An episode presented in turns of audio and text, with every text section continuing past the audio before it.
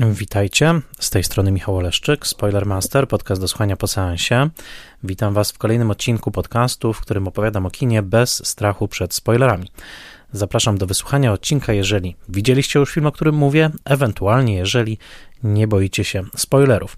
Ja jestem wykładowcą Wydziału Artys Liberales Uniwersytetu Warszawskiego, a w tym projekcie priorytetem jest popularyzacja wysokojakościowej wiedzy o kinie. Jest to projekt, który powstaje w całości po godzinach.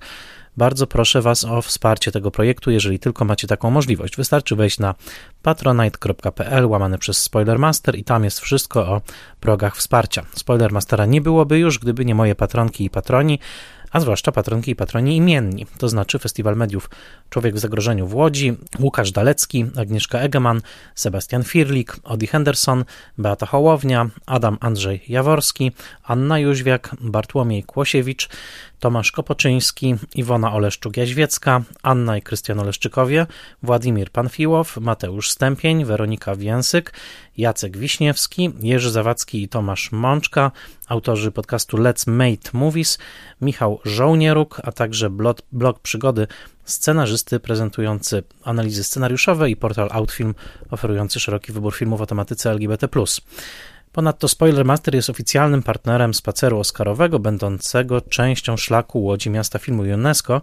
Nagrałem do tego spaceru e, narrację audio, więc serdecznie Was e, do tego spaceru w Łodzi, szlakiem oscarowych filmów, e, serdecznie Was do niego zapraszam. W dzisiejszym odcinku opowiem w cyklu Classic o filmie pod tytułem Rozmowa, The Conversation, to jest film z roku 1974 w reżyserii i wedle scenariusza Francisa Forda Coppoli. W tym roku dużo jest Coppoli w Spoilermasterze, dlatego że nagrałem już dwa odcinki o jego filmach, o Ojcu Chrzestnym i o Ojcu Chrzestnym 2. Tak się składa, że film Rozmowa przypada w filmografii Coppoli dokładnie pomiędzy te dwa filmy.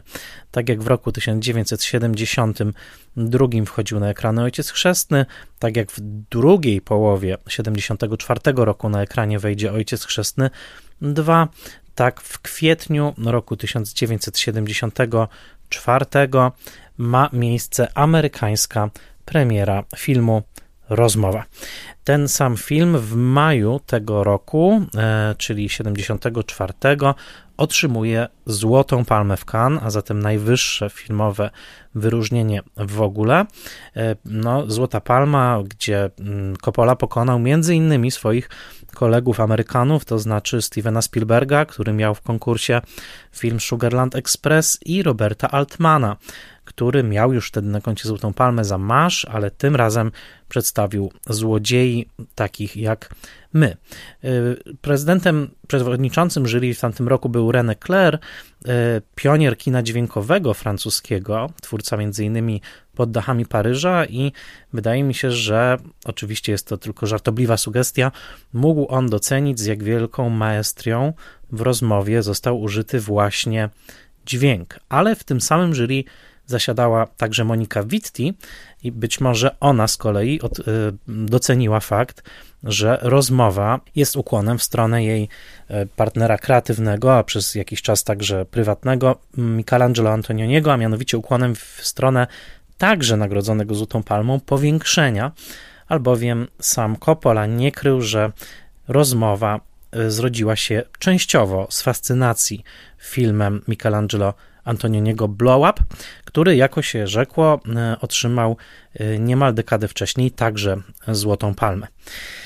E, dla nas dzisiaj jest ważne to, że ten film przypada właśnie pomiędzy tymi dwoma wybitnymi dokonaniami, jakimi, był ojciec, jakimi byli Ojciec Chrzestny i Ojciec Chrzestny 2. E, chciałbym krótko opowiedzieć o historii powstania rozmowy, ale przede wszystkim skupić się na znaczeniach tego filmu.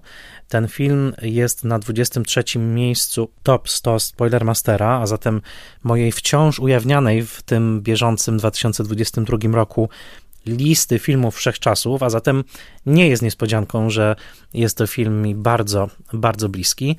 E, pamiętam od pierwszego obejrzenia jest mi bliski. Widziałem go w cyklu 100 na 100, czyli 100 filmów na stulecie kina w maju roku 1995 w telewizyjnej jedynce. A zatem było to już ponad ćwierć wieku temu, ale do dzisiaj pamiętam niezatarte wrażenie tamtego wielokrotnie potem powtarzanego seansu. W przygotowywaniu dzisiejszego odcinka pomogła mi przede wszystkim monografia Francisa Forda Coppoli pióra Petera Kauiego. Polecam także monograficzny numer filmu na świecie poświęcony Francisowi Fordowi Coppoli. Korzystałem ponadto z wydania Blu-ray filmu Rozmowa z Wielkiej Brytanii. Te, to wydanie firmowało studio Kanal. Korzystałem także z książkowej analizy filmu Rozmowa pod tytułem Diabeł nas podsłuchuje. Próba analizy filmu Rozmowa. Taką analizę wydał Grzegorz Królikiewicz w biblioteczce analiz arcydzieł filmu fabularnego. E, to jest rok 1994 i pokłosie zajęć, jakie Grzegorz Królikiewicz prowadził swego czasu z analizy filmów. E, ponadto e, zerknąłem do tekstu Lorenza Schaeffera z jesiennego numeru Film Quarterly pod tytułem The Conversation to, to jest taki długi esej, który powstał bardzo szybko po premierze filmu i stanowi świetne e, takie no, mm, świadectwo tego, jak ten film był bardzo głęboko odczytywany już właściwie tuż po premierze. No, rozmowa jest filmem fascynującym na wielu poziomach, także na poziomie technicznym, ale jak zawsze zacznijmy od tego, E, skąd ten film się wziął, jakie były jego źródła. Oczywiście Kopole już znamy, kto słuchał odcinków o Ojcu Chrzestnym, ten wie i skąd Kopola przychodzi i gdzie na początku, w pierwszej połowie lat 70. jest. Sukces pierwszego Ojca Chrzestnego, wbrew wszelkim przeciwnościom losu, nie tylko udowodnił ogromny talent Kopoli, ale przede wszystkim całkowicie zmienił jego zawodową pozycję. Z kogoś, kto był niemalże sabotowany na planie pierwszego Ojca Chrzestnego, stał się celebrowanym i bardzo hojnie opłacanym twórcą Ojca Chrzestnego 2. Rozmowa była projektem dokładnie takim, jaki Coppola sobie wymarzył we wczesnym etapie swojej twórczości.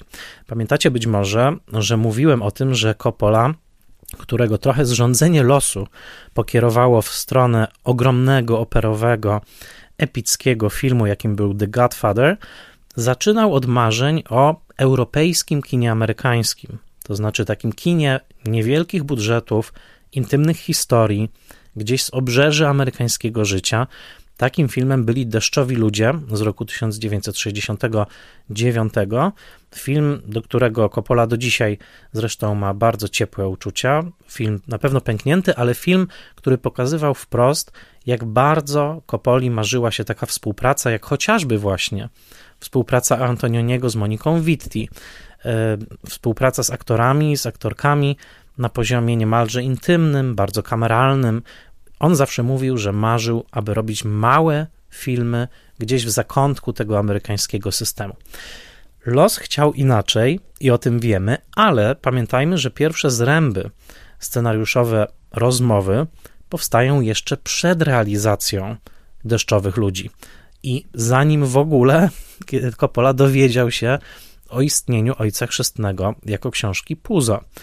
Pierwsze zręby powstają wkrótce po obejrzeniu właśnie powiększenia. Zatem filmu z roku 1966 odsyłam do mojego eseju o powiększeniu. Napisałem go dla Filmwebu. Jeżeli wpiszecie Filmweb Oleszczyk Antonioni najlepiej, bo powiększenie to też tytuł konkursu Filmwebu, więc lepiej nie mieszać tych dwóch rzeczy, to wyskoczy wam ten esej, odsyłam do tego filmu.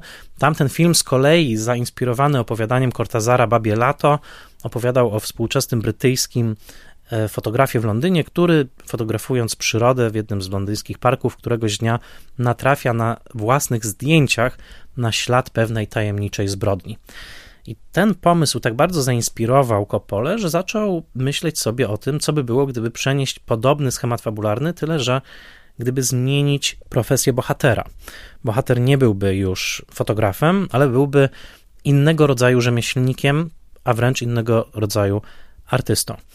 Coppola wymyślił sobie podsłuchiwacza, rejestratora dźwięków, kogoś, kto e, trudni się nie rejestrowaniem warstwy wizualnej świata, ale e, rejestrowaniem właśnie tej warstwy audialnej. Wedle tej pierwszej myśli Coppola zaczął tworzyć pewną historię, a następnie przyjrzał się postaci niejakiego Hala Lipseta. To był prawdziwy podsłuchiwacz, specjalista od inwigilacji, który faktycznie działał w Stanach Zjednoczonych i z którym Coppola się wielokrotnie spotkał e, i którego wiedza przyczyniła się do kształtu filmu The Conversation. W napisach odnajdziecie Hala Lipseta jako konsultanta całości. Ważną rolę odegrał także Irwin Kershner.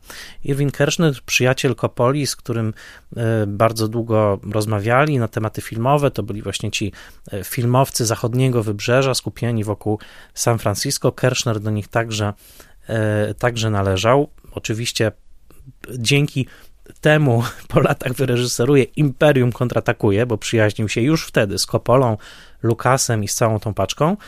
E, I między innymi Kershner był właśnie kimś, kto skierował e, uwagę Kopoli na sam fenomen podsłuchiwania, podsłuchiwaczy, inwigilacji. Tak się złożyło, że będzie to niemal prorocze, ponieważ już w momencie realizacji filmu E, e, wybuchła afera Watergate. Pamiętajmy, afera Watergate, czyli dotycząca niechlubnych praktyk inwigilacyjnych, podsłuchiwania przeciwników politycznych przez sztab prezydenta Nixona na jego wyraźne polecenie.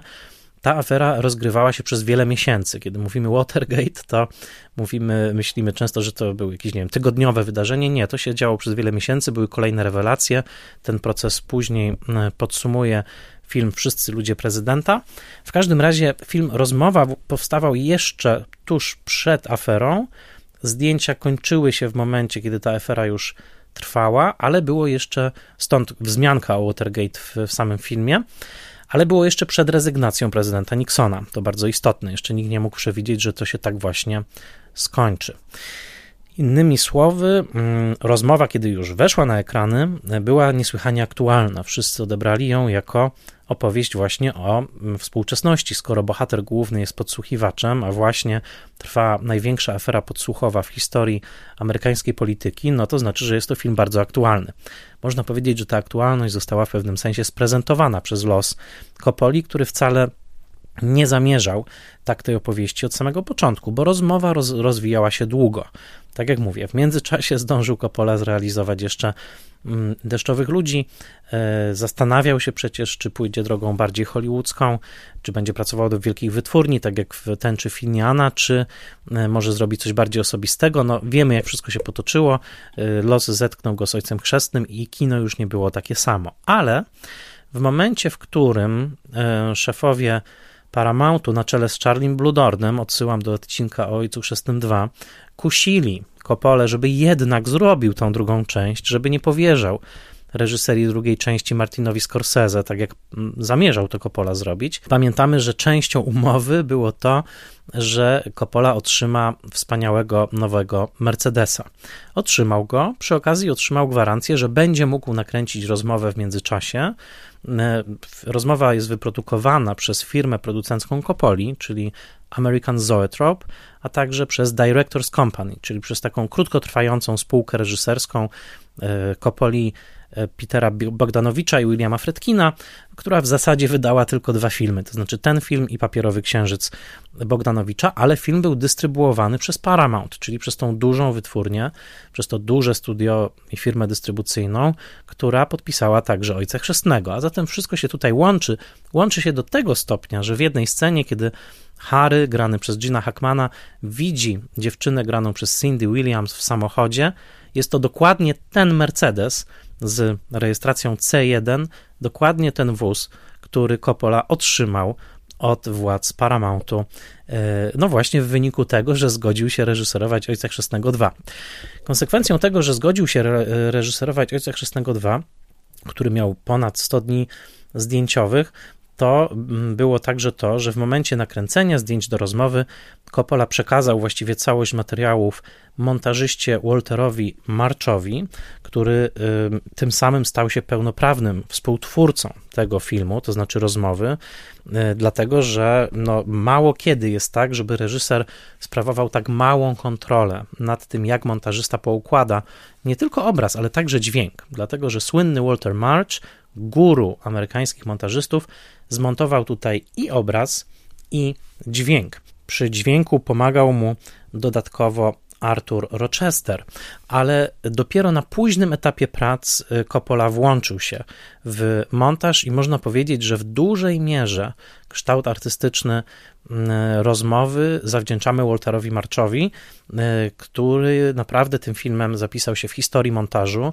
Ten film jest uznawany za jeden z najlepiej zmontowanych filmów w historii kina i pod względem obrazu, i pod względem dźwięku i zakrawało na pewien skandal, że w tamtym roku, to znaczy kiedy przypadło już przyznawanie Oscarów za rok 1974, Walter March nie odebrał statuetki. I to jest ten jeden z bardzo, podkreślam, nielicznych, bardzo nielicznych momentów, kiedy mogę wytknąć błąd nikomu innemu, jak niemalże nieomylnemu Adamowi Garbiczowi, który twierdzi w swoim kinie wehikule magicznym, że Walter March odebrał za swoją pracę zasłużonego zasłużonego Oscara. Otóż nie odebrał, odbierze go dopiero za czas apokalipsy, a potem dużo, dużo później za angielskiego pacjenta.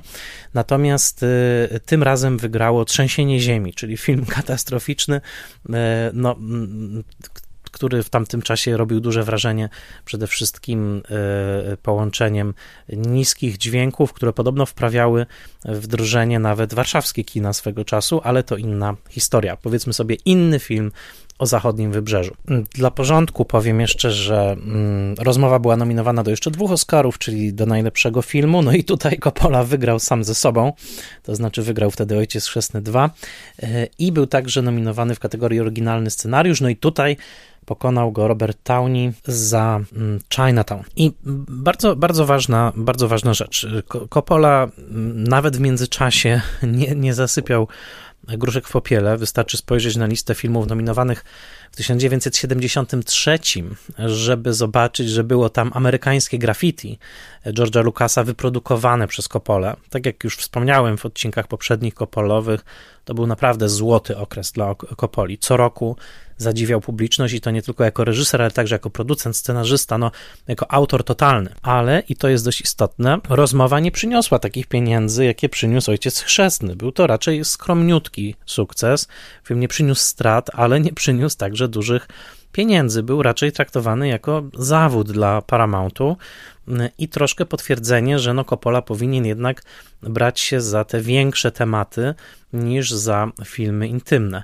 Pamiętajmy, że Złota Palma w Cannes nie jest tak cenną walutą w Stanach Zjednoczonych, może w kręgach artystycznych tak, ale na pewno nie w biznesie filmowym jak w Europie, a zatem rozmowa pobyła na ekranach kinowych krótko, nie była tak brutalna, tak porywająca jak nawet Chinatown tamtego roku nie wpisywała się w nurt kina katastroficznego, jak właśnie wspomniane trzęsienie e, ziemi. No i z tych dwóch obecnych w 1974 roku filmów Coppoli publiczność zdecydowanie powstawiła na Ojca Chrzestnego 2. E, Co nie znaczy, że e, Ojciec Chrzestny i Ojciec Chrzestny 2 są filmami lepszymi od rozmowy, bo oczywiście poruszamy się tutaj w stratosferze arcydzieł.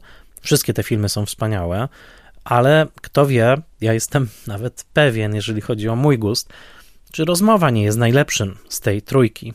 Jest to film oczywiście o wiele bardziej intymny, ale jednocześnie o ileż bardziej złożony, dojmujący, o ileż bardziej przeszywający niż Ojciec Chrzestny czy Ojciec Chrzestny 1 na poziomie duchowym, ale także wglądu w jednostkę, w, właśnie w sportretowaniu jej nie tyle w społeczeństwie, czy w rodzinie, czy w jakimś wielkim systemie, tylko w takim bytowaniu sama ze sobą, w takiej właśnie intymności, właściwie pod każdym względem. Nie ma żadnych wątpliwości, że na Kopole Antonioni wpłynął bardzo, ponieważ cały ten film, cała rozmowa jest przesiąknięta duchem Antonioniego, przy czym bardzo ważne, nie ma tutaj nic z naśladownictwa, z jakiegoś tępego epigoństwa. E, tak, e, Coppola inspirował się powiększeniem, tak, Coppola często ustawia kamerę e, razem ze swoim operatorem Billem Butlerem w taki sposób, że filmuje puste przestrzenie i bohaterowie wchodzą i wychodzą do pomieszczeń, kamera niekoniecznie podąża za nimi od razu. Mamy tutaj do czynienia z obrazem wielkomiejskiej alienacji, troszeczkę jak z Antonioniego, ale zarazem różnice są ogromne. Rozmowa jest thrillerem, i jest thrillerem w znaczeniu o wiele bardziej ścisłym i dosłownym niż chociażby przygoda Antonioniego, którą co prawda od biedy thrillerem można nazwać, ale koniec końców jest to film bardzo niekonwencjonalny, wywracający do góry nasze oczekiwania.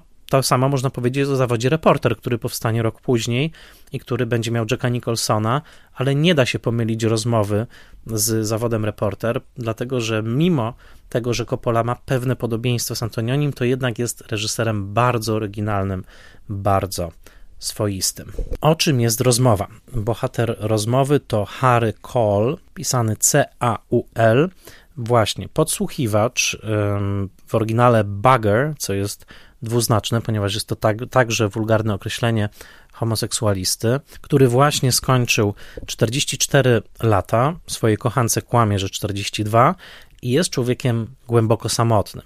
Poznajemy go przede wszystkim jako cichego profesjonalistę, kogoś, kto jest w stanie za pomocą najnowocześniejszej wówczas techniki, dzisiaj może nas trochę śmieszącej, podsłuchać każdego, nawet przemieszczającą się swobodnie po zatłoczonym skwerze Union Square w San Francisco parę młodych kochanków zagranych przez Cindy Williams i Frederica Foresta.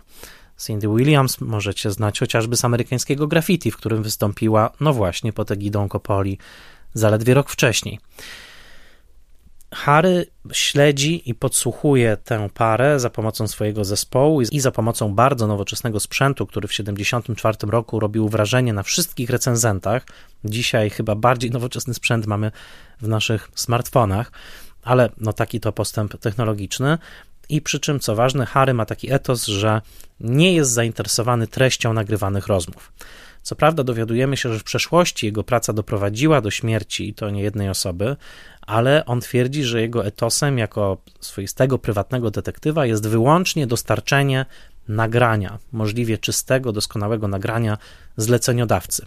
Tym zleceniodawcą w tym przypadku jest nikt inny jak Robert Duval. Znamy go jako Toma Heigena z Ojca Chrzestnego, tutaj jako szef wielkiej korporacji mieszczącej się w Embarcadero Center w San Francisco. Wówczas to była taka absolutny szczyt nowoczesnej architektury.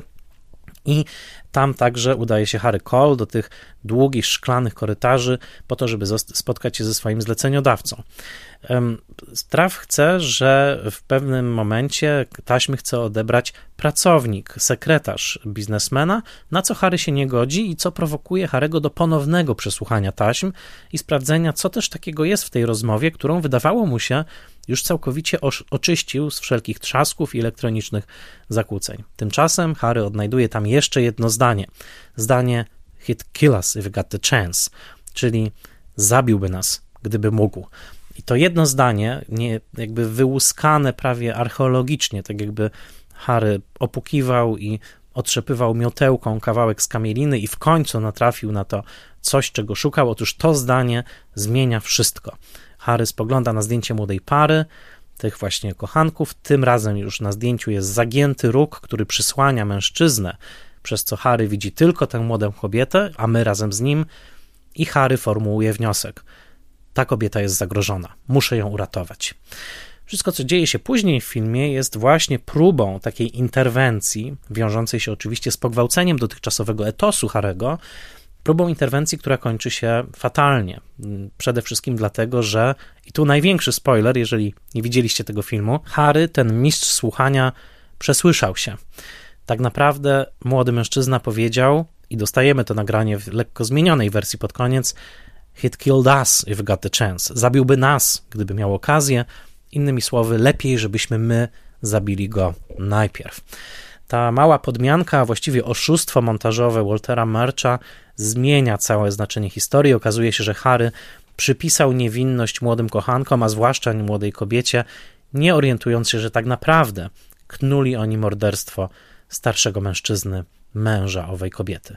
W międzyczasie twierdza Harego, jaką zbudował od mieszkania zamykanego na trzy czy cztery spusty, po jego życie prywatne, bardzo kulawe, koślawe, ograniczające się do spotkań z młodą dziewczyną imieniem Amy, ale jednocześnie nie zdradzania jej żadnych szczegółów na swój temat.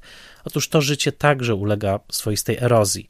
Harry jest nagabywany przez swoich współpracowników, także przez niejakiego Barego Morana, który przyjeżdża z Nowego Jorku i bardzo chce z nim współpracować.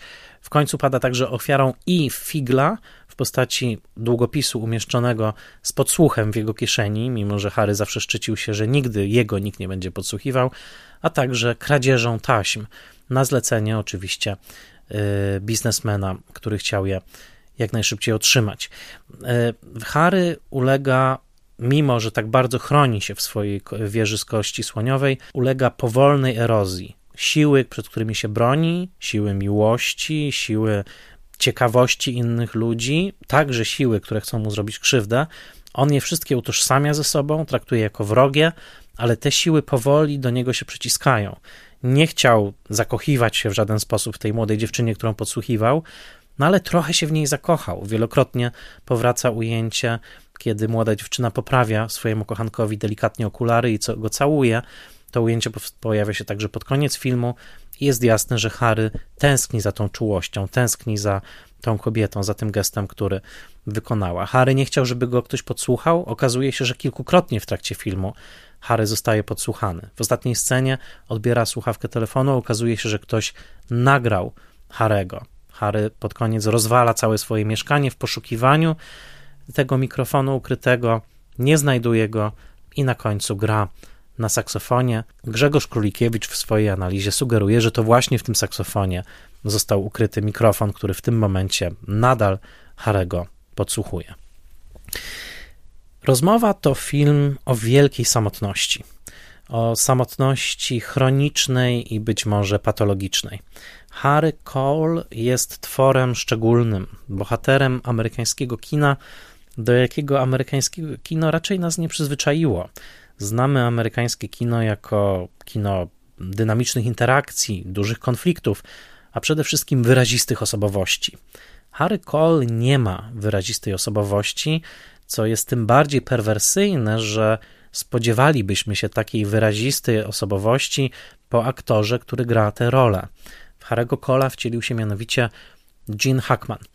Tak jak rozmowa przypada pomiędzy pierwszego ojca chrzestnego i drugiego ojca chrzestnego, tak e, rozmowa przypada także pomiędzy francuskiego łącznika 1 i 2, pomiędzy rok 71 i 75. W tych dwóch filmach dwa razy Gene Hackman zagrał Popaja Doyla, czyli bardzo wyrazistego, bardzo brutalnego i wulgarnego gliniarza nowojorskiego, o którym opowiedziałem wam więcej w odcinku o francuskim łączniku.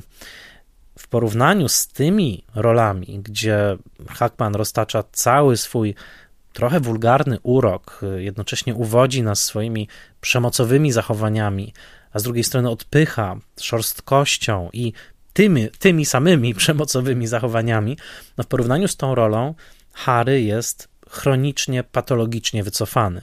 Jest człowiekiem, który prawie w ogóle nie ujawnia jakichś większych afektów, z wyjątkiem imprezy, w której uczestniczy, na której pozwala sobie między innymi na śmiech i homofobiczny żart, co wspiera tezę propagowaną między innymi przez Sławoja Żiszka, że bohater wypiera swój własny homoseksualizm. Odsyłam do zboczonej historii kina tegoż Sławoja Żiszka. Ale poza krótkim wybuchem gniewu w centrum e, Embarcadero, tak naprawdę Hackman jest w tym filmie cały czas wsobny.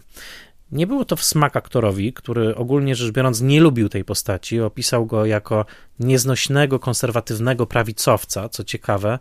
E, no, trudno się dziwić. Harry chodzi cały czas w białej koszuli, w krawacie. Nie jest to moda, która e, dominowałaby w kontrkulturowym San Francisco przełomu lat 60. i 70. I jak wspomniałem, trudno się dziwić, że Hackman nie lubił grać tej roli, bo była tak bardzo odległa od jego zwyczajowego amplua. Kto wie jednak, czy nie jest to jego rola najlepsza. E, Hackman bardzo dobrze zasugerował to, co dzieje się w duszy Harego, a w zasadzie przede wszystkim to, co już się w niej nie dzieje. Harry jest tak człowiekiem wycofanym, tak bardzo przelęknionym w pewnym sensie samą możliwością kontaktu z drugim człowiekiem, że jest to bardzo trudne do zagrania. Tymczasem Hackmanowi się to udało przez pewne ograniczenie ruchów, bardzo oszczędną mimikę, skupienie w momentach przesłuchiwania taśmy, a przede wszystkim w takiej bardzo mocnej fasadowości tej roli. Widzimy, że zarówno okulary Harego, jak i jego całe zachowanie, jego bezruch, jego milczenie, jego skupienie profesjonalne na tym, co robi, a także jego nieodłączny plastikowy płaszcz, sztormiak, z którym praktycznie się nie rozstaje, nawet w scenie erotycznej w tym filmie, pomiędzy nim i Terry Gar. Otóż to wszystko sugeruje, że jest on człowiekiem w pewnej skorupie, w pewnym kokonie samotności, może nawet w pewnej błonie samotności. To nieprzypadkowe skojarzenie. Nazwisko Harego Cole, pisane powtórzę C-A-U-L, oznacza po angielsku worek owodniowy, to znaczy taką błonę otaczającą niektóre noworodki, zazwyczaj uznawaną za dobry omen przy narodzinach. Mówi się przecież w czepku urodzony. E, Harry spędza większość filmu w tym plastikowym, przezroczystym płaszczu, a scenograf Dean Tavularis, y, który robił też scenografię do Ojca Chrzestnego, dba o to, żeby w całym filmie było bardzo dużo półprzezroczystych powierzchni. Zwróćcie uwagę na liczne plastikowe kotary, innymi w łazience, w hotelu Jack Tar, ale także na szklane tafle, y, często mleczne, zamglone, jak chociażby ta szklana tafla oddzierająca także dwa y, balkony w hotelu Jack Tar jak wspomniałem, jest to bardzo niezwykły bohater dla kina amerykańskiego. Oczywiście bardzo dobrze przynależący do tego momentu, jakim było nowe kino hollywoodzkie lat 70. Zwróćcie uwagę na chociażby Jacka Nicholsona w Pięciu Łatwych Utworach z 70 roku, odsyłam do odcinka, ale jest w tym bohaterze coś, powtórzę to, europejskiego, coś nieamerykańskiego. Tak jakby ten Harry przywędrował z troszkę innej rzeczywistości niż, powtórzę to znowu, mocno kontrkulturowa rzeczywistość San Francisco lat późnych 60. i początku 70. Wiemy, że jeżeli ktoś jechał wtedy do San Francisco, powinien był sobie wpleść we włosy kwiaty, dlatego że było to miasto dzieci kwiatów. Tymczasem Harry, powtarzam, zabłąkał się skądinąd. Skąd? Ano właśnie z Europy.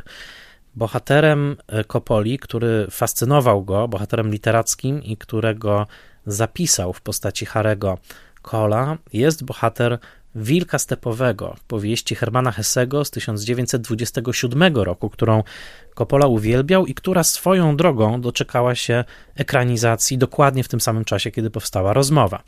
Tam Harry Haller to był bohater Hessego, który notabene także był tam ważny wątek jazzowy. Tutaj Harry jest jazzmenem, co prawda amatorem, grającym tylko w swojej sypialni, ale jednak jest jazzmenem.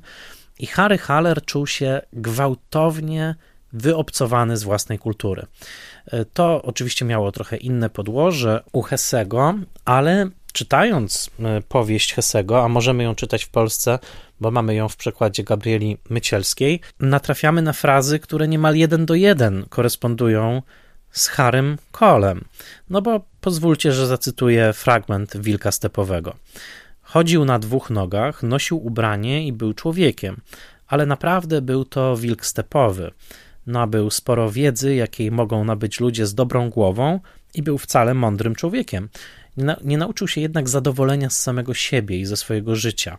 Tego nie potrafił, był człowiekiem niezadowolonym, a pochodziło to prawdopodobnie stąd, że w głębi serca zawsze wiedział lub zdawało mu się, że wie, iż właściwie nie jest człowiekiem, lecz wilkiem ze stepu, a zatem rodzajem jakiegoś ostatecznego samotnika, jakiejś istoty, która nie przynależy do świata, który go otacza. Harry, jakże mam nie być wilkiem stepowym i obdartym pustelnikiem, skoro żyję w świecie, którego celów nie podzielam, którego radości są mi wszystkie obce, tak jak radości kontrkulturowego San Francisco zdecydowanie były obce Haremu Kolowi, który jest wierzącym katolikiem, chodzącym do spowiedzi w tym filmie, także katolikiem udręczonym, który pod koniec, poszukując mikrofonu, bluźnierczo rozerwie na dwoje plastikową figurkę Matki Boskiej, także tam nie znajdując mikrofonu. Tak, tutaj Harry też jest kimś, kto nie przynależy do wartości swojego czasu. Jest dokładnie wilkiem, samotnikiem. No ale o jakich dokładnie tutaj wartościach mówimy? Co ściera się w tym filmie? Garbage i inni badacze wskazują na to, że jest to film bardzo komentujący swoje czasy. Nawet jeżeli komentujący Watergate troszkę na wyrost i troszkę w ostatniej chwili, to przecież komentujący kwestie, które dominowały w latach 60. Kwestie zaufania do władzy, kwestie inwigilacji, kwestie przemocy. Na początku filmu, kiedy widzimy podsłuchiwaną parę, widzimy ją najpierw w celowniku mikrofonu, ale wtedy jeszcze nie wiemy, że jest to celownik mikrofonu i możemy założyć, że jest to po prostu celownik karabinu maszynowego.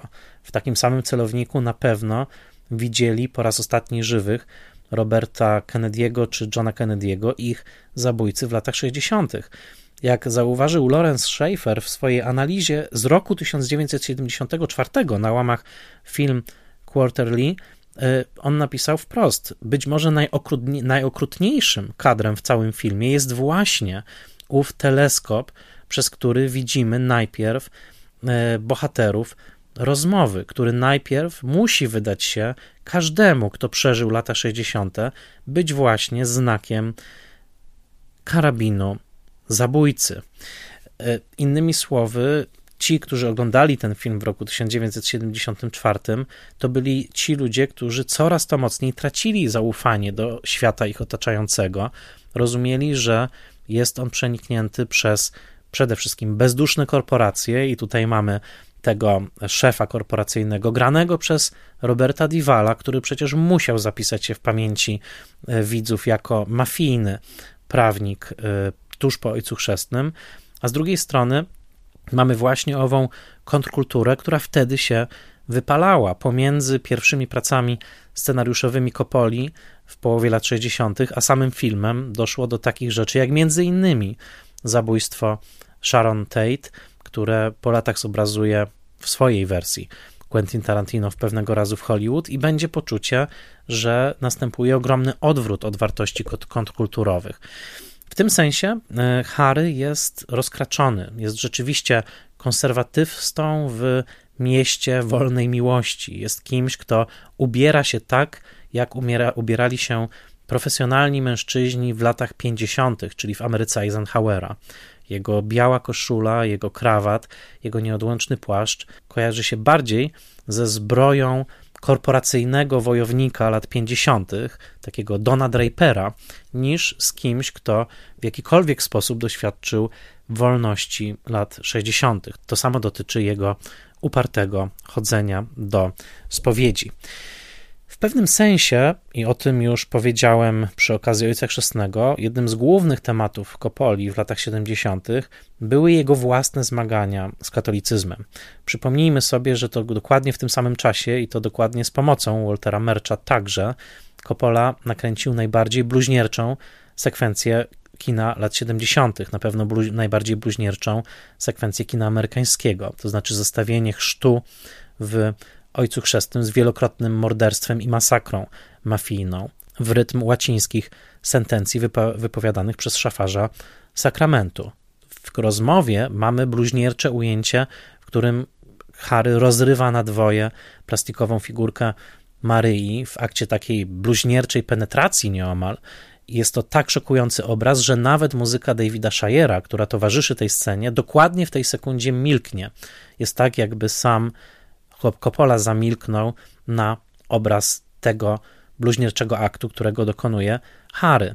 Nie wspomnę już nawet, że dokładnie w tym samym czasie miał premierę egzorcysta Williama Fredkina, czyli kolegi Kopoli, który na swój sposób, oczywiście, bo też z perspektywy twórcy niewierzącego, twórcy o korzeniach żydowskich, ale powoływał do życia bluźniercze obrazy i e, zmierzył się także z tą ikonografią katolicką. E, oczywiście robił to na swój, na swój sposób. Natomiast tutaj nie ulega żadnych wątpliwości, i to podkreślają w zasadzie wszyscy e, interpretatorzy tego filmu, że mamy do czynienia ze zmaganiem Harego właśnie jako katolika. Mamy scenę jego spowiedzi, mamy także jego obsesję na punkcie niewinnej kobiety, tej kobiety, którą gra Cindy Williams, i która w pewnym sensie uosabia właśnie cechy Maryi, w tym sensie, że y, ta bohaterka wydaje się tak długo całkowicie niewinna haremu. Oczywiście później następuje brutalne rozczarowanie. W swojej mm, analizie filmu y, Grzegorz Królikiewicz, ta książka jest wybitna, jednocześnie jest szalona, mm, ale naprawdę polecam, bo Królikiewicz był z jednej strony nawet na poziomie faktografii myli dużo rzeczy w tej książce i, i trzeba to powiedzieć, że czasami po prostu niemal zmyśla pewne szczegóły, ale nieważne. Chwilami zbliża się do absolutnej interpretacyjnej wielkości.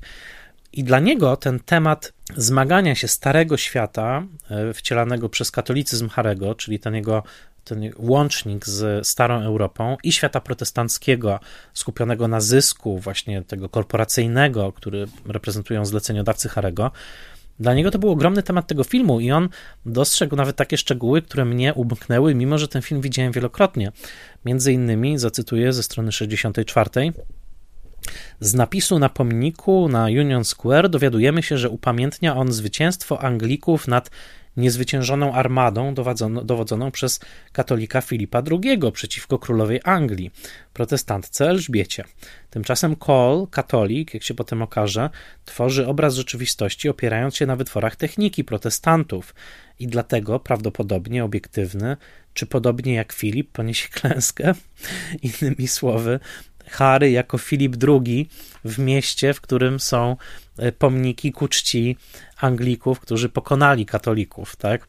Może idzie to za daleko, prawie na pewno idzie to za daleko, ale z drugiej strony San Francisco miasto założone i nazwane na cześć świętego Franciszka przeżywało e, przez cały XX wiek bardzo duże napięcia kulturowe właśnie na tym tle, bo jednocześnie stało się najbardziej postępowym, najbardziej hipisowskim e, e, miastem wszechczasów.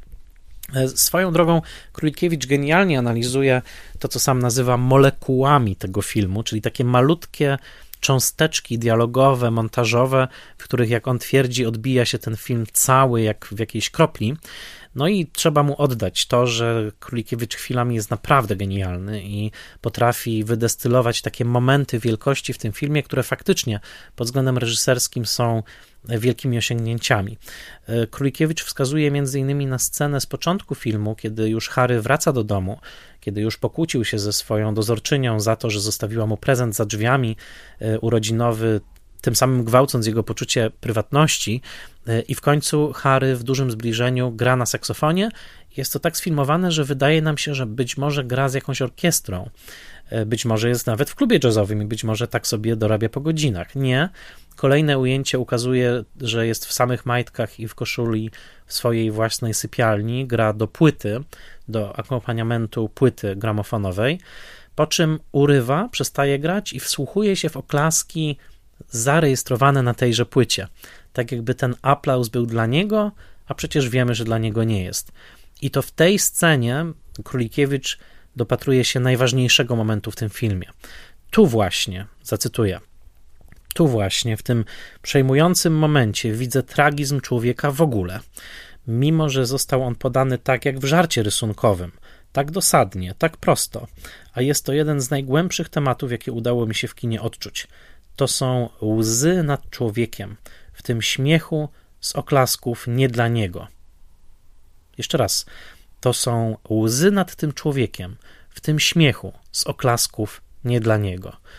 Królikiewicz dostrzegł, że w tym żarcie montażowym, który pokazuje nam, no właśnie, myślimy, że ktoś mu bije brawo, ach nie, to płyta gramofonowa. W tym krótkim śmiechu z niego jest jednocześnie cały smutek nad tym samotnym człowiekiem, który musi się wsłuchiwać w nagrane oklaski, ale musi się także wsłuchiwać w nagraną rozmowę, bo przecież w rozmowie kochanków, którą tak pieczołowicie nagrał i tak pieczołowicie oczyścił z wszelkich zakłóceń, także padają zdania, które wydają się jakby skierowane dla niego.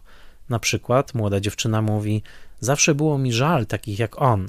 Zawsze, kiedy patrzę na kogoś takiego, myślę sobie: On też miał kiedyś mamę i tatę, którzy go kochali, a obecnie leży sobie sam na ławce parkowej.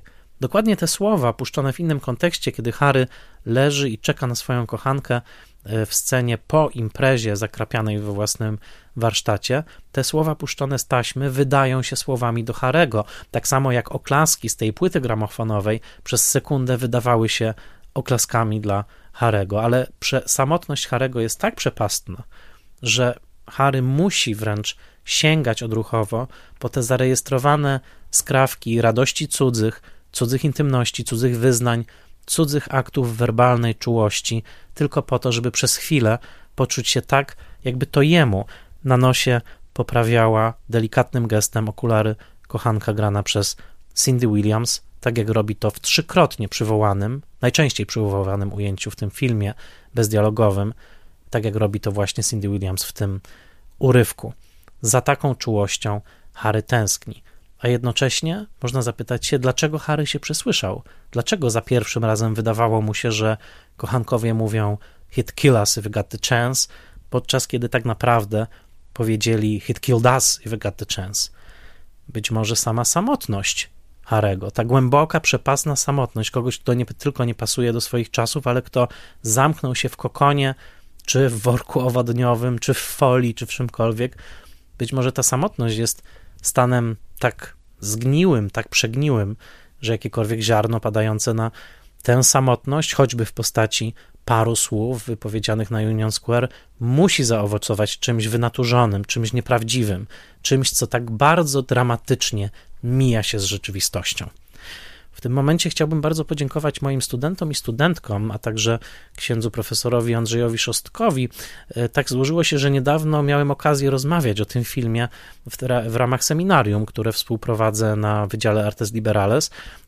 Wtedy przygotowywałem się też do odcinków o Ojcu Chrzestnym i miałem takie intensywne e, dni e, myślenia o Francisie Fordzie Coppoli i rozmawiałem także o tym filmie z moimi studentami, studentkami i oni także podrzucili mi bardzo dużo ciekawych myśli. I jedną z tych myśli było to, e, ponieważ rozważaliśmy ten film w zestawieniu z ewangeliczną przypowieścią o siewcy, o tym, który rzuca ziarna i to ziarno trafia albo na glebę żyzną, albo na glebę kamienistą, raz wyrasta, raz nie wyrasta. I właśnie w trakcie tych zajęć padła taka myśl, że być może ta gleba duszy Harego przez tą samotność, przez to odseparowanie się od innych ludzi. Być może ta gleba jest w jakiś sposób zjełczała, zgniła, mm, niepłodna, że takie ziarno, które na nią pada, właśnie w postaci tych słów usłyszanych, być może dlatego wydaje owoc, który jest spotworniały, który tak naprawdę czyni, i to słowa Królikiewicza, złotrów aniołów, bo Harry Cole podsłuchuje dwójkę przestępców, którzy planują morderstwo, ale bardzo chce wierzyć, że jest to dwójka niewinnych ludzi. Najstarszy chyba możliwy fortel zła, podającego się za absolutne, łatwe do skrzywdzenia dobro. To, że w tym filmie jest możliwa taka głęboka interpretacja i to, że możemy go tak ładnie zestawić także z Wilkiem Stepowym, jest bezpośrednim pokłosiem tego, że Walter March wykonał taką dobrą robotę montażowo-dźwiękową. To naprawdę niesamowite, kiedy Harry powraca wielokrotnie do tych samych fragmentów przesłuchanej rozmowy, jednocześnie w warstwie wizualnej powracamy do fragmentów nagranych na Union Square i nagle tworzy się taki bardzo bardzo gruby tort z wieloma warstwami, i za każdym razem ta nagrana rozmowa, mimo że w gruncie rzeczy banalna, e, dotycząca prezentów bożonarodzeniowych, bo wszystko to nomen omen a propos religii dzieje się w czasie Bożego Narodzenia. Widzimy choinkę w domu Harego, chociaż choinka to za dużo powiedziane, jakaś ozdoba bożonarodzeniowa. E, to wszystko sprawia, że ten film rzeczywiście jest jak taki bardzo wielowarstwowy, głęboki tort, do którego kolejnych warstw powoli się dokrawamy przy kolejnych seansach. E, tą warstwą, która całkowicie mi umknęła, kiedy ten film oglądałem po raz pierwszy, to była właśnie ta warstwa pewnego konfliktu kulturowego. Teraz wydaje mi się ona oczywista, bo z jednej strony mamy tutaj właśnie tą Amerykę jazzową, tą Amerykę, która jest właśnie tuż po ogromnej fali kontrkulturowej, z drugiej strony mamy katolicyzm Harego. I przeglądając Wilka Stepowego jeszcze przed nagraniem tego odcinka, natrafiłem na kolejny fragment, który wydaje się nie tylko komentarzem do rozmowy, ale wydaje się komentarzem w ogóle do tych rozterek, które najwyraźniej Coppola przeżywał i które tak dobrze zapisał, zarówno w rozmowie, jak i w obydwu ojcach chrzestnym, bo hello, przypomnę, że w obydwu ojcach chrzestnych tematem była także asymilacja i tematem było także napięcie pomiędzy tym starym porządkiem z Europy, a nowym porządkiem w Stanach Zjednoczonych, e, pomiędzy starym porządkiem włoskim, a nowym porządkiem symbolizowanym przez rozmaite konszachty z protestantami, biznesmenami, e, Kay Adams także była protestantką, którą poślubiał Michael Corleone, a zatem to takie rozkraczenie pomiędzy nowym i starym światem Kopole bardzo musiało wtedy zajmować.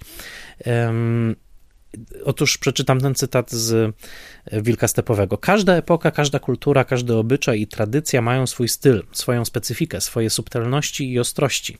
Każda epoka uważa pewne niedomogi za oczywiste, a inne zło znosi cierpliwie. Prawdziwym cierpieniem, piekłem, staje się życie ludzkie tylko tam, gdzie krzyżują się dwie epoki, dwie kultury i religia. Gdyby człowiek antyku musiał żyć w średniowieczu, zginąłby marnie, podobnie jak zginąłby dzikus w naszej cywilizacji. Bywają okresy, w których całe pokolenie dostaje się między dwie epoki, między dwa style życia. Także zatraca ono wszelką naturalność, wszelki obyczaj, wszelkie poczucie bezpieczeństwa i niewinności. Przepraszam, muszę to przeczytać jeszcze raz, ale wsłuchajcie się w te słowa. Bywają okresy, w których całe pokolenie dostaje się między dwie epoki, między dwa style życia. No, nie wiem, czy do jakiejkolwiek epoki pasuje to bardziej niż do Ameryki lat 60., w których powstało to słynne Generation Gap, czyli luka pokoleniowa, i nastąpiło brutalne kulturowe zerwanie pomiędzy kulturą rodziców i kulturą dzieci, pomiędzy kulturą tradycyjną a kontrkulturą.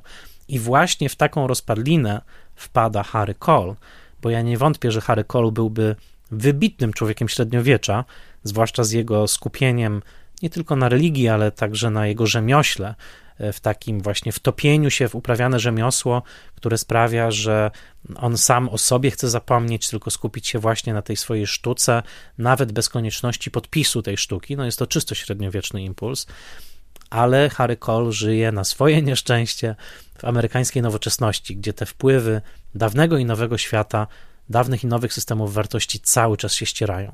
I z jednej strony mamy tutaj jazz, który rozbrzmiewa i w sypialni Harego, i na Union Square, a z drugiej strony mamy minimalistyczną muzykę Davida Shires, napisaną do tego filmu w stylu Erika Satie, troszkę jakby z błędnego ognika Louis Mala, czyli taki dwudziestowieczny minimalizm, który sugeruje coś zupełnie przeciwnego wobec jazzu, a mianowicie pewne wygaszenie emocjonalne, takie słone fale, które rytmicznie zalewają duszę i sprawiają, że ona jest coraz to cichsza, coraz to cichsza i potrafi od, tylko od czasu do czasu załkać, no chociażby takim solo na saksofonie, jakie wykonuje Harry Cole.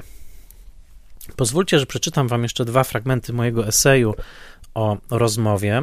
E, to jest tekst, który opublikowałem na, na łamach Filmwebu, więc też możecie go odnaleźć, ale mam wrażenie, że te dwie myśli e, warto tutaj e, wypowiedzieć.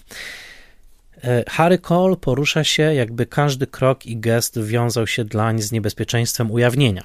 Gdyby tylko mógł, najchętniej w ogóle nie komunikowałby swojej obecności bliźnim i stał się równie przezroczysty jak noszony przez niego sztormiak. Błona, kokon czy klatka, jak zwał, tak zwał, ale nie ulega wątpliwości, że ze wszystkich samotnych bohaterów Kopoli, a jest ich co najmniej kilku, od wyizolowanych na szczycie mafijnej e, drabiny Vita i Michaela Corleone, poprzez szalonego pułkownika Kerca, aż po takich fiz fizycznych odmieńców jak wampir Dracula, czy starzejący się zbyt szybko bohater Jacka, to właśnie Harry Cole wydaje się duszą wy najbardziej wygłodzoną i zastygłą w cierpieniu. Sam Coppola wyjaśniał swój zamiar w nagranym po latach komentarzu DVD jako nakręcenie filmu, w którym największą rolę odgrywałoby powtórzenie. Rzeczywiście, wieczne zapętlenia i subtelne modyfikacje fragmentów tytułowej rozmowy, muzyki Shayera i efektów elektronicznych, połączone ręką Waltera Marcha, do dzisiaj robią piorunujące wrażenie. Chyba dobrze się stało, że Coppola zrezygnował z naiwnego zakończenia, w którym policja odnajdywała ciało martwej utrzymanki Harego, a on sam kończył w więzieniu wrobiony w jej zabójstwo. Zamiast tego szkolnego twistu, Coppola daje nam jedno z najlepszych zakończeń w historii kina. Oto Harry w swym mieszkaniu, doszczętnie rozwalonym w poszukiwaniu umieszczonego tam mikrofonu, gra na saksofonie, a muzyka Shayera wchodzi z nim w dyskretny dialog. Trochę jak na jam session żywego z duchami. Zdaniem Grzegorza Królikiewicza mikrofon ukryto w saksofonie, w co wierzy też biograf Kopoli Peter Cowie, mimo że sam reżyser przyznawał się do niewiedzy w tej kwestii. A Walter March wskazuje raczej na zawieszony na szyi Hackmana stroik. Nieważne. Najważniejsze jest to, co widać. Spocony, wykończony Harry kręcony jest poruszającą się wahadłowo kamerą Billa Butlera, sugerującą beznamiętność kamer przemysłowych. Wokół Harego są tylko połamane deski, rozsypane wióry – pogrychotane meble. Co czuje bohater? Czy to jest jego przegrana? A może raczej pierwszy krok ku wolności, której warunkiem wstępnym jest rozbicie dotychczasowego więzienia w drzazgi i wydanie skowytu tak głębokiego i osobistego, jaki w muzyce umożliwia jedynie saksofonowe solo, zagrane ostatkiem sił prosto z serca. One from the Heart to tytuł późniejszego filmu Coppoli. Film był przyjęty bardzo dobrze, e, chociaż niektórzy recenzenci, tacy jak Vincent Canby na łamach e, New York Timesa, pisali troszkę ze zgrozą o Harym, odczytując go niemalże jako psychopatę. Vincent Canby pisze, nie zdziwiłbym się, gdyby zagrał go Vincent Price, znany z ról szalonych naukowców u Rogera Cormana. Wydaje się, że to jednak pomyłka, to nie ten rejestr. Film na pewno musiał zdziwić po operowej skali Ojca Chrzestnego, ale po latach e, reputacja tego filmu tylko i wyłącznie wzrosła. Do dzisiaj można spędzić dużo czasu analizując poszczególne sceny tego filmu, zwłaszcza scena morderstwa w hotelu Jack Tar jest popisem nieoczywistego montażu i nic dziwnego, jak doniósł mi ostatnio jeden z patronów Spoilermastera, notabene filmowiec, powiedział mi, że był to jeden z najbardziej analizowanych filmów w łódzkiej szkole filmowej, bo analizowali go i specjaliści od reżyserii, i scenariuszy, i montażu, i dźwięku. Innymi słowy, tak jak wspomniałem, ten tort był tak wielowarstwowy i miał tak wiele bakali ukrytych, że do dzisiaj można się w niego wkrawać ze smakiem i dużo ciekawych rzeczy tam znaleźć. Coppola tuż z planu rozmowy ruszył na plan Ojca Chrzestnego, tym samym w roku 75 mógł się wygodnie rozsiąść na Oscarach i patrzeć, jak walczą ze sobą aż dwa jego filmy, to znaczy Rozmowa i Ojciec Chrzestny 2. Wygrał Ojciec Chrzestny 2 a dla Kopoli będzie to pewien moment zwrotny, bo już za chwilę e, zaangażuje się on w ogromny projekt pod tytułem Ojciec, pod tytułem Czas Apokalipsy. O tym projekcie opowiem Wam w oddzielnym odcinku, bo już teraz zacząłem przygotowania do odcinka o czasie apokalipsy. To będzie duży odcinek i na pewno premiera nie nastąpi w tym roku, ale ten odcinek będzie. A jednocześnie e, był to czas, w którym, pamiętajcie, Coppola chce rozwijać swój sen, to znaczy chce, żeby American Zoetrope było taką właśnie wytwórnią niewielkich amerykańskich filmów, takich jak Rozmowa, no ale te napięcia między tym, co niewielkie i kameralne, a tym, co wielkie i spektakularne, będą się ujawniać coraz to bardziej, bo w samej duszy Kopoli trwają wciąż dwa impulsy nie do pogodzenia. Z jednej strony właśnie ten impuls prawie klasztorny, monastyczny, taki impuls zaszycia się i zrobienia czegoś bardzo małego, bardzo osobistego, a z drugiej strony, no jednak ten wielki impuls operowo-hollywoodzki, który go ciągnie w stronę takich widowisk jak na przykład Czas Apokalipsy czy Ojciec Chrzestny. Jak te napięcia się rozwiążą, o tym opowiem Wam już niedługo w odcinku poświęconym Ojcowi Chrzestnemu 3, ponieważ już niedługo czeka nas opowieść o tym filmie, a nie da się opowiedzieć o Ojcu Chrzestnym 3, nie streszczając przynajmniej w kwadransie tego, co wydarzyło się z Kopolą w latach 80., a wydarzyły się rzeczy dosyć przejmujące i na niwie artystycznej, i na niwie prywatnej dotknęła go tragedia, to za chwilę. Ale teraz nacieszmy się widokiem Kopoli w pełni sił i w pełni glorii. Zrymowałem przez przypadek, ale cieszmy się tym momentem, w którym Coppola ma na koncie dwa Oscary, Złotą Palmę za rozmowę do kompletu. Wydaje się, że wszystko jest przed nim i wydaje się, że cały świat należy do niego. Rozmowa i ojcy, Ojciec Chrzestny 1 i 2 dowiodły, że Coppola może wszystko. Może pracować i na płótnie ogromnym, i na płótnie miniaturowym, niczym płótno Vermeera. Jak ta historia potoczy się dalej, o tym opowiem Wam już w odcinku o Ojcu Chrzestnym 3 który za kilka tygodni w Spoilermasterze.